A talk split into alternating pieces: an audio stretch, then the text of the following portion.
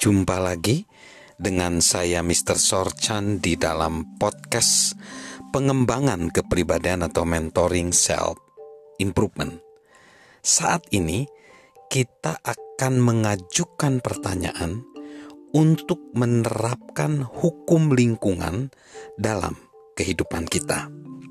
Yang pertama, nilailah lingkungan kita, lingkungan sahabat Mr. Sorchan saat ini dalam kaitannya dengan pertumbuhan dengan menjawab benar atau salah 10 pertanyaan berikut. Satu, orang lain telah mendahuluiku. Dua, aku terus-menerus ditantang. Tiga, fokusku adalah maju. Empat, atmosfer tempat aku tinggal mengokohkan. Lima, aku sering keluar dari zona nyamanku. Enam, aku bangun dengan perasaan bersemangat. Tujuh, kegagalan bukanlah musuhku. Delapan, orang lain juga bertumbuh. Sembilan, orang-orang di lingkunganku menginginkan perubahan. Sepuluh, pertumbuhan diteladankan dan dituntut. Jika sahabat Mr. Sorchan menjawab salah untuk lebih dari lima pertanyaan, lingkungan sahabat saat ini mungkin menghambat pertumbuhan sahabat. Jadi, kita perlu memutuskan apakah kita perlu berubah atau memperbaiki lingkungan kita supaya dapat meraih potensi kita. Pertanyaan yang kedua, nilailah kebutuhan pertumbuhan pribadi sahabat di tiga bidang utama yang telah disebutkan dalam bab ini bidang yaitu tanah yang baik untuk bertumbuh. Apakah yang memberikan gizi kepadaku? Pertumbuhan. Gunakan daftar berikut yang telah disebutkan di segmen hukum lingkungan dan atau bisa menciptakan daftar kita sendiri untuk menilai apa yang memelihara sahabat musik, lagu apakah yang dapat mengangkat semangatku?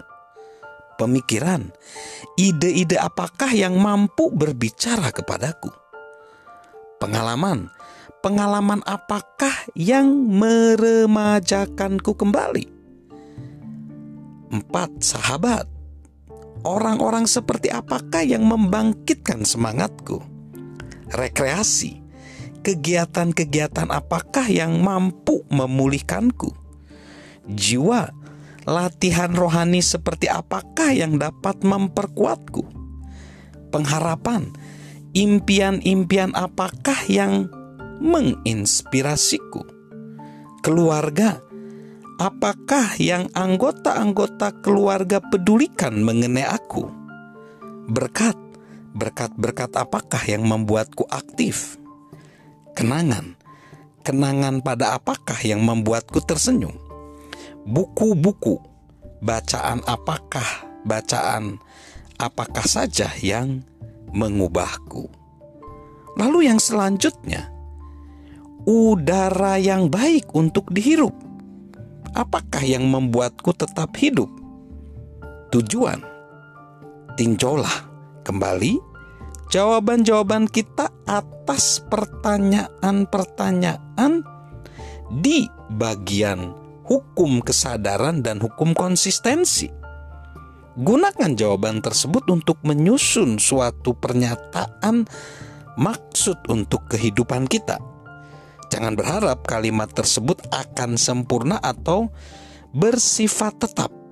Mungkin kalimat itu akan terus bertumbuh dan berubah sementara kita juga demikian.